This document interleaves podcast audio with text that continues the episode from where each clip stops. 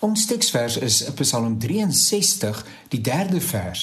Ek wil by U in die heiligdom wees om daar U mag en grootheid te ondervind. Ek wil by U in die heiligdom wees om daar U mag en grootheid te ondervind. Die die digter spreek sy begeerte uit, 'n begeerte na God en sy nabyheid. 'n Mens sou Dawid nie kwaadlik neem as hy sy behoefte op hierdie stadium op 'n ander wyse verwoord het nie. Stel jouself Dawid se konteks voor. Hy's 'n voortvlugtende Absalom en sy bende rowers wil Dawid om die lewe bring. Dis nie 'n videospeletjie nie, dis die werklikheid, koud en ongenaakbaar. En hy sou kon vra vir versterkings vir verwarring in die vyand se geleedere. Hy sou kon vra vir die geregtigheid van God en God se oordeel. En alhoewel hy hom later in die Psalm uitspreek teen sy vyande, is dit sekondêr wat hy sê is ek verlang na God. Dis hartseer dat die erediens nie meer die hoogtepunt van ons week is nie.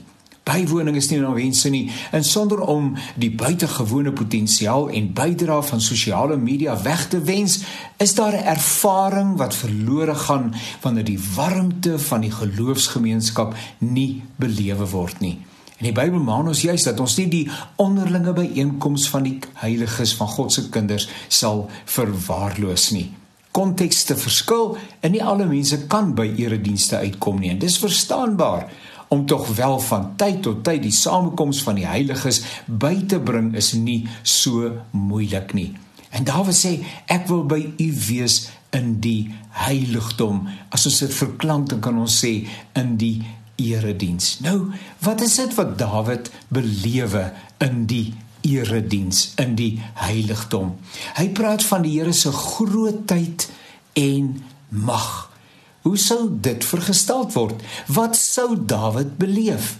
Waarom beleef hy dit? Hierdie enorme belewenis soos wat hy dit beskrywe, maar oënskynlik gaan dit by baie gelowiges verby.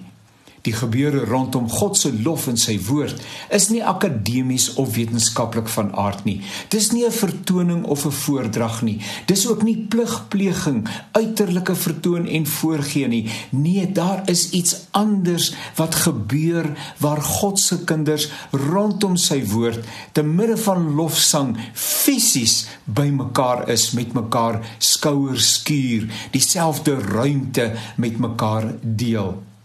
Ek wonder hoe jy die gebeure en die ervaring rondom die bymekaar wees en kom van God se kinders in jou eie konteks sou beskryf. Probeer daai ervaring aan iemand anders oordra en dan op so 'n manier dat daai persoon ernstig oorweeg om self die volgende geleentheid by te woon. Voltooi hierdie sin: "O, wanneer ek die erediens bywoon, dan beleef ek O, ek wens so ek kan jou antwoord hoor.